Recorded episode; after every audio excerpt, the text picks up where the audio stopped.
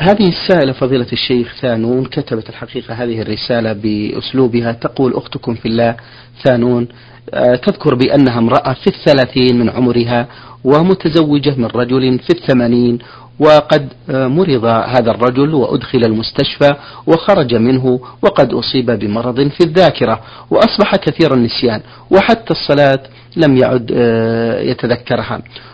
ويكثر تقول يكثر علينا من الأسئلة ويقوم بترديدها أيضا كثيرا وأحيانا قد أغضب فلا أرد عليه أو أرد بغضب وصوتي قوي وأنا أخاف جدا أن يكون علي إثم في ذلك مع أنني أعامله جيد جيدا وأرعاه وأرد على الأسئلة الكثيرة المملة. فما حكم ذلك فضيلة الشيخ؟ وما هي نصيحتكم لي مأجورين الحمد لله رب العالمين وأصلي وأسلم على نبينا محمد وعلى آله وأصحابه ومن تبعهم بإحسان إلى يوم الدين.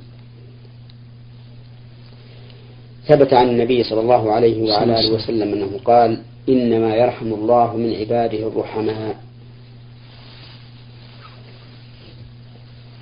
ورحمة الله تعالى قريب من المحسنين. وزوجك الآن قد بلغ حالا يحتاج معها إلى الرحمة. والرأفة. فإذا قمت برحمته والرأفة به فإنك, فإنك تستحقين بذلك رحمة الله عز وجل ورأفته الله. وإذا صبرت على ما يحصل منه من أذى قولي أو فعلي ارتقيت إلى منزلة الصابرين. الذين قال الله فيهم إنما يوفى الصابرون أجرهم بغير حساب فنصيحتي لك أن تتممي إحسانك ومعروفك ومعروفك بتحمل الصبر منه. ومتى ذاق الإنسان حلاوة الصبر مع كونه مرا استساغه دائما. الله وقد قيل في الصبر. الصبر مثل اسمه مر مذاقته لكن عواقبه أحلى من العسل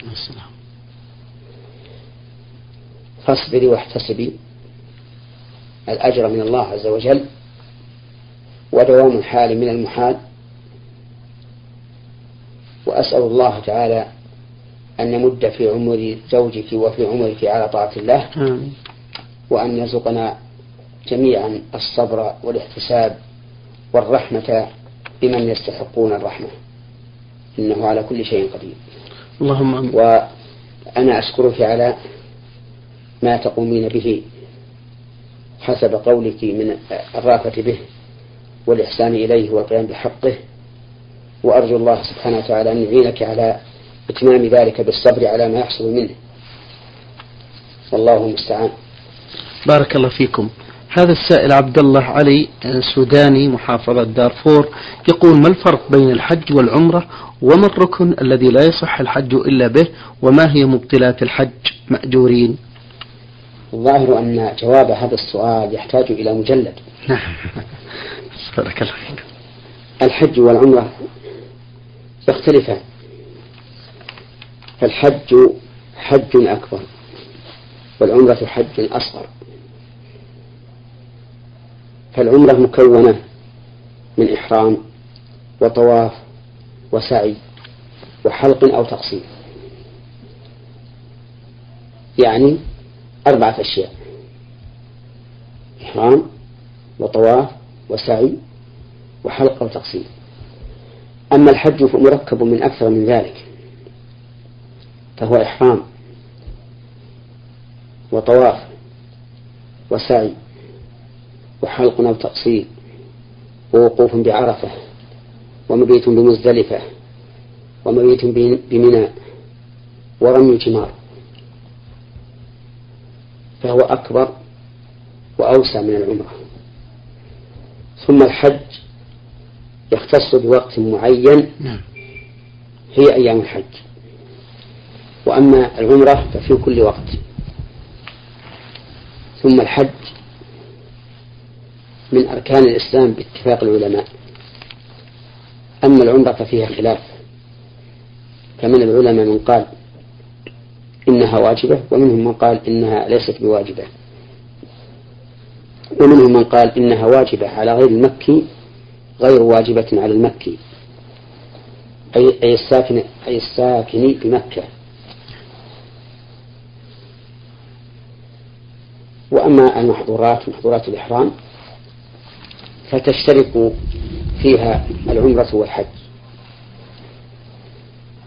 لأنها تتعلق بالإحرام. والإحرام لا يختلف فيه الحج والعمرة.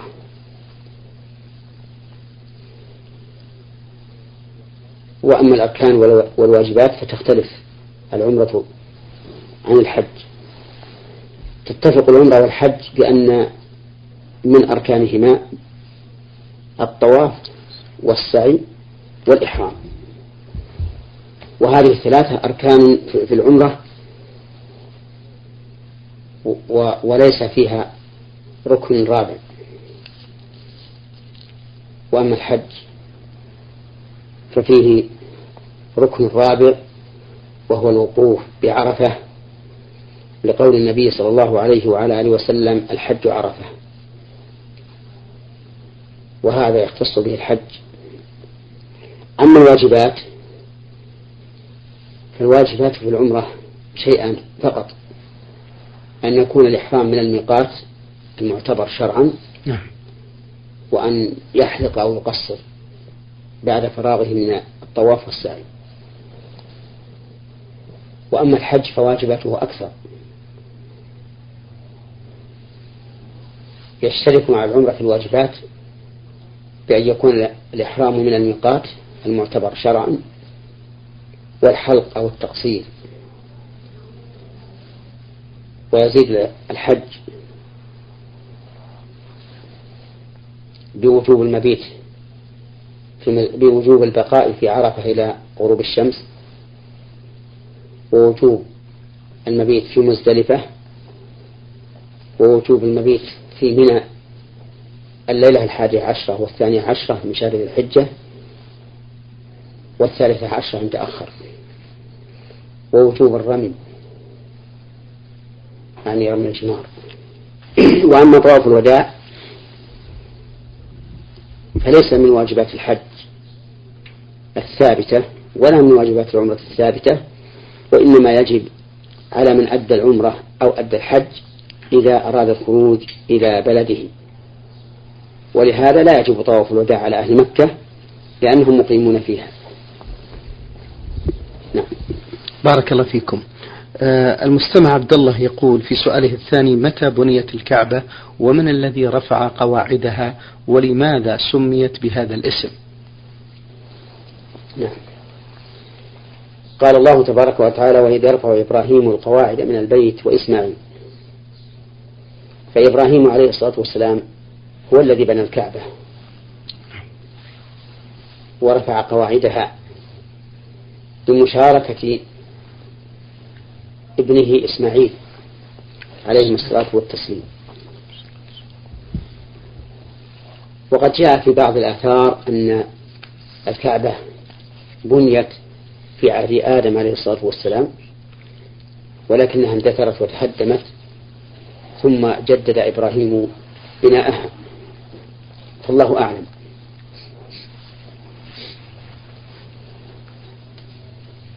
وأما لما سميت كعبة فلأنها بناء مربع وكل بناء مربع له أركان أربعة يسمى كعبة. وقد أضاف الله تعالى هذا البيت إلى نفسه. فقال جل وعلا وإذ بوأنا لإبراهيم مكان البيت ألا تشرك بي شيئا. وطهر البيت للطائفين والقائمين والركع السجود. وفرض الله سبحانه وتعالى على عباده أن يتوجهوا إليه في صلواتهم. وفرض عليهم أن يحجوا إليه مرة في العمر. بارك الله فيكم. هذه رسالة وصلت من مستمعة للبرنامج. تقول فضيلة الشيخ امرأة مطلقة تبلغ من العمر أربعين عاما زوجت نفسها من شخص بإيجاب وقبول. بدون ولي أمر أو شهود فهل هذا الزواج يعتبر صحيحا أم لا؟ وبماذا تنصحوننا مأجورين؟ الصحيح أن هذا الزواج ليس بصحيح لخلوه عن الولي. وقد قال النبي صلى الله عليه وعلى آله وسلم لا نكاح إلا بولي. لكن بعض العلماء يرى أن المرأة الحرة الرشيدة البالغة تزوج نفسها. فإذا كانت هذه المرأة في قوم يرون هذا الرأي فإن نكاحها صحيح بناء على أن العامية مذهبه مذهب علماء بلده. وأما إذا كانت في بلد لا يرى أهله صحة النكاح بلا ولي فإنه يجب عليها أن تفارق زوجها. وأن تجدد العقد. وما مضى فإنه معفو عنه لكونه وقع بشبهة. وما حصل من أولاد في هذه الفترة فهم أولاد لها وللرجل. نعم. بارك الله فيكم. السؤال الثاني ما الحكم إذا وكل رجل غيره في أداء الزكاة؟ فمن الذي تلزمه النية؟ هل هو الموكل أو الوكيل؟ وهل تجب الزكاة على الدائن؟ إذا وكل شخصا في دفع الزكاة فمن المعلوم أن الموكل سوف ينوي سوف ينوي عند تسليم دراهم مثلا أنها زكاة. نعم. وهذه النية كافية. أما الموكل فيلزمه عند الدفع أن ينوي أنها زكاة فلان الذي وكله. وأما الدائن فإن عليه الزكاة إذا كان مدينه غنيا باذلا أما إن كان فقيرا أو مماطلا لا تمكن مطالبته فإنه لا زكاة في هذا الدين. لكن إذا قبضه فإن عليه أن يزكيه سنة واحدة لما مضى وإن كان قد بقي سنوات كثيرة. نعم. بارك الله فيكم. آه، ربما نقول فضل. وهل الأفضل للإنسان أن يدفع زكاته بنفسه أو يعطيها لوكيل يدفعها عنه؟ والجواب أن الأفضل أن يدفعها هو بنفسه لأنه بذلك يباشر عبادة من العبادات ولأنه أطمن لقلبه. وأوثق في دفع زكاته. لكن إذا كان لا يعرف المستحقين أو كان يرى أن هذا الوكيل أعرف منه وأفقه في الزكاة فإنه في هذه الحال يوكله لأن هذا أقوم بمصلحة الزكاة. نعم بارك الله فيكم. السائلة أم عبد العزيز من الرياض تقول كم الوقت الذي يجب أن يفصل بين العمرة والعمرة الأخرى؟ يرى بعض العلماء أنها أن العمرة لا تكرر في السنة وإنما تكون العمرة في كل سنة مرة. ويرى آخرون أنه لا بأس بتكرارها. لكن قدروا ذلك بنبات الشعر لو حلق. وقد روي ذلك عن الإمام أحمد رحمه الله أنه إذا حمم رأسه أي إذا نبت واسود فحينئذ يعتمر لأن من واجبات العمرة الحلقة والتقصير ولا يكون ذلك بدون شعر.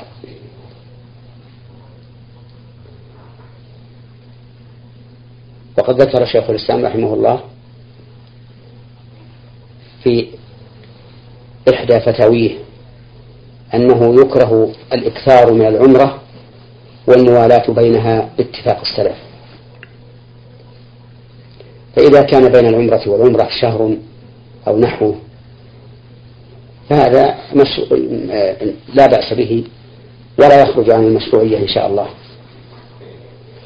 وأما ما يفعله بعض الناس في رمضان من كونه يكرر العمرة كل يوم فبدعته منكرة. ليس لها أصل من عمل السلف. ومن المعلوم أن رسول الله صلى الله عليه وعلى آله وسلم فتح مكة وبقي فيها تسعة عشر يوما ولم يخرج يوم من الأيام إلى الحل ليأتي بعمرة. وكذلك في عمرة القضاء أقام ثلاثة أيام في مكة ولم يأتي بعمرة كل يوم ولم يعد عن السلف الصالح رضي الله عنهم أنهم كانوا يفعلون ذلك. وخير الهدي هدي محمد صلى الله عليه وعلى آله وسلم. وأنكروا من ذلك أن بعضهم إذا اعتمر العمرة الأولى حلق جزءا من رأسه لها. ثم تحلل. فإذا اعتمر الثانية حلق جزءا آخر ثم تحلل. ثم يوزع رأسه على قدر العمر التي كان يأخذها. وقد شاهدت رجلا يسعى بين الصفا والمروة وقد حلق شطر رأسه بالنصف وبقي الشطر الآخر وعليه شعر كثيف فسألته لماذا؟ فقال إني حلقت هذا الجانب لعمرة أمس والباقي لعمرة اليوم. وهذا يدل لا شك على الجهل. لأن حلق بعض الرأس وترك بعضه من القزع المنهي عنه. ثم ليس هو نسكا. أعني حلق بعض الرأس وترك بعضه. ليس نسكا يتعبد به لله. بل هو مكروه. ولكن الجهل قد طبق على كثير من الناس نسأل الله العافية. وله سببان. السبب الأول قلة تنبيه أهل العلم للعامة في مثل هذه الأمور. وأهل العلم مسؤولون عن هذا. ومن المعلوم أن العامية لا يقبل قبولا تاما من غير علماء بلده.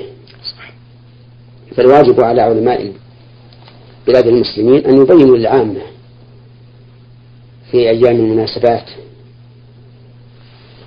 في قدومهم لمكة ماذا يجب عليهم؟ وماذا يشرع لهم؟ وماذا ينهون عنه؟ حتى يعبدوا الله على بصيرة.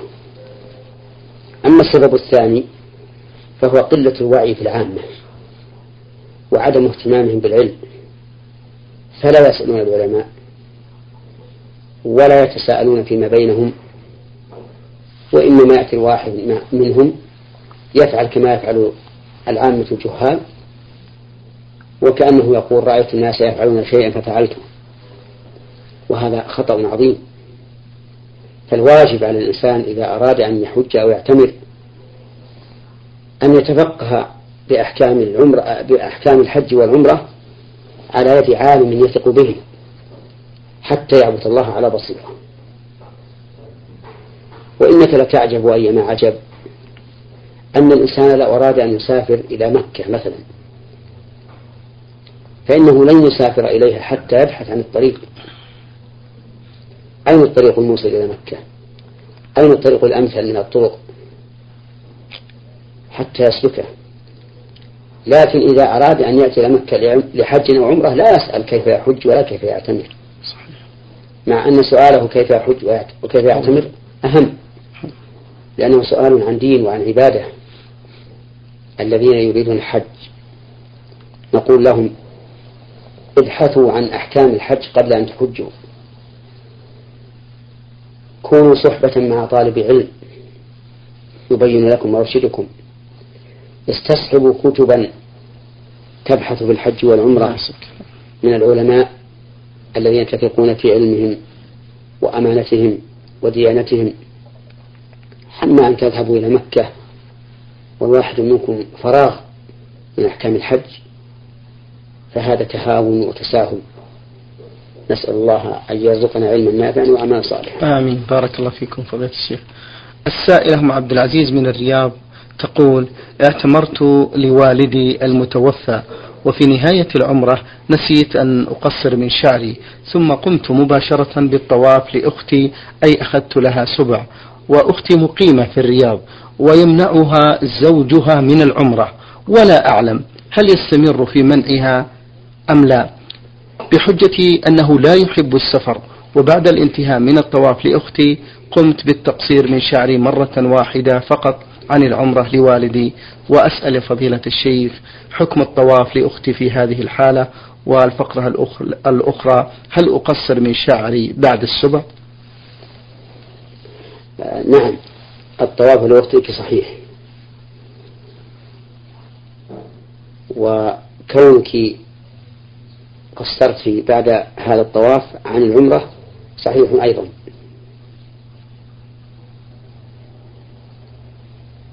وأما كون زوج أختك يمنعها من العمرة فهذا أمر نعود إليه. هو أعلم بشأن زوجته.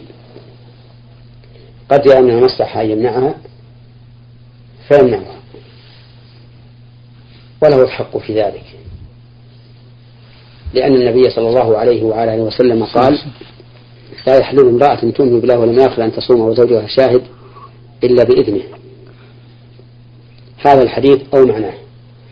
فمنع النبي صلى الله عليه وعلى آله وسلم المرأة أن تصوم وزوجها شاهد إلا بإذنه لأنه إذا صامت تمنعه من كمال ما يريد منها وإن فعل ما يريد صار في قلبه حرج وقلق.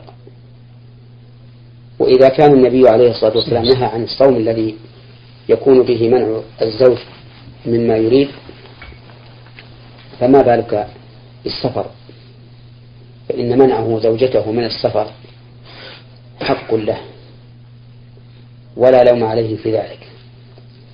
لكن ينبغي للزوج أن يراعي الأحوال. نعم فإذا قدر أن هذه المرأة لم تعتمر من قبل وصار أهلها يريدون العمرة وهو لا يشق عليه فراقها فليأذن لها في العمرة. لتؤدي واجب العمرة ويا حبذا لو اصطحبها أيضا. طيب. فإن هذا يكون فيه إلفة بين الأصهار بعضهم مع بعض. ويكون فيه الخير كثير إن شاء الله. بارك الله فيكم. ما حكم السنة في مسجد الميقات وكم عددها؟ ليس هناك سنة تختص بمسجد الميقات. ولا بالإحرام. فلم يرد عن النبي صلى الله عليه وعلى آله وسلم أنه كان إذا أراد أن يحرم صلى ركعتين. لكنه أهل دبر, دبر صلاة بمعنى أنه صلى الفريضة ثم أهل أي لبى. ولهذا كان القول الراجح ما قاله شيخ الإسلام ابن تيمية رحمه الله أنه ليس للإحرام صلاة تخصه. لكن ينبغي أن يجعل الإحرام بعد صلاة. فإن كان وقت فريضة انتظر حتى يوصل للفريضة ثم يحرم. وإن كان في وقت نافلة كصلاة الضحى مثلا وصلاة ركعتين بعد الوضوء وصلاة تحية المسجد فليكن إحرامه بعد هذه الصلاة. أما أن ينوي صلاة خاصة للإحرام فإن هذا لا أعلم فيه سنة عن رسول الله صلى الله عليه وعلى آله وسلم. بارك الله فيكم. ما حكم الحجاب عن المدرس الأعمى؟ لا يجب لا يجب الحجاب عن المدرس الأعمى. لقول النبي صلى الله عليه وعلى آله وسلم لفاطمة بنت قيس اعتدي في بيت ابن أم مكتوم. فإنه رجل أعمى تضعين ثيابك عنده. ولأن النبي صلى الله عليه وعلى آله وسلم أذن لعائشة أن تنظر إلى الحبشة وهم يلعبون في المسجد. فالمرأة يجوز لها النظر إلى الرجل بشرط أن لا تنظر إليه لشهوة أو تمتع بالنظر وتلذذ به. ولا يلزمها أن تحتجب عنه. وأما ما يروى عن النبي صلى الله عليه وعلى آله وسلم أنه قال أفعمياوان أنتما فحديث ضعيف. لا تقوم به الحجة. نعم. بارك الله فيكم. السائلة أم عبد العزيز في آخر سؤالها تقول ما وقت سنة العصر ومتى يبدأ ومتى ينتهي؟